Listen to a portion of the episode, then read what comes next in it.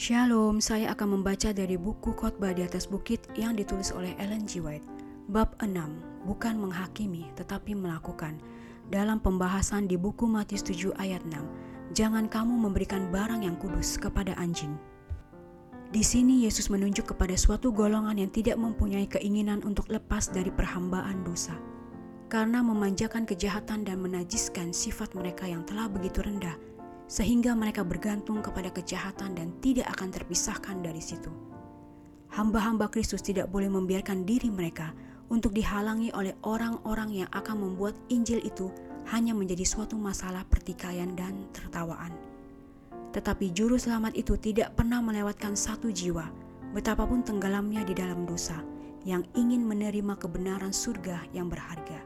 Kepada para pemungut cukai dan perempuan sundal, Kata-katanya adalah permulaan hidup baru.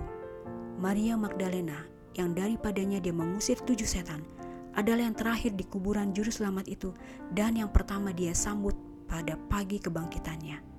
Saul dari Tarsuslah salah satu dari musuh-musuh Injil yang paling gigih yang menjadi Paulus pelayan Kristus yang setia.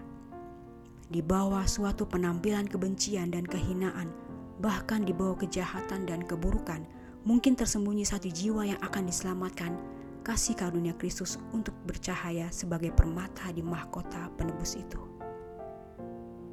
Demikianlah bacaan buku khotbah di atas bukit bab 6 bukan menghakimi tetapi melakukan dalam pembahasan di buku Matius 7 ayat 6. Jangan kamu memberikan barang yang kudus kepada anjing. Tuhan memberkati.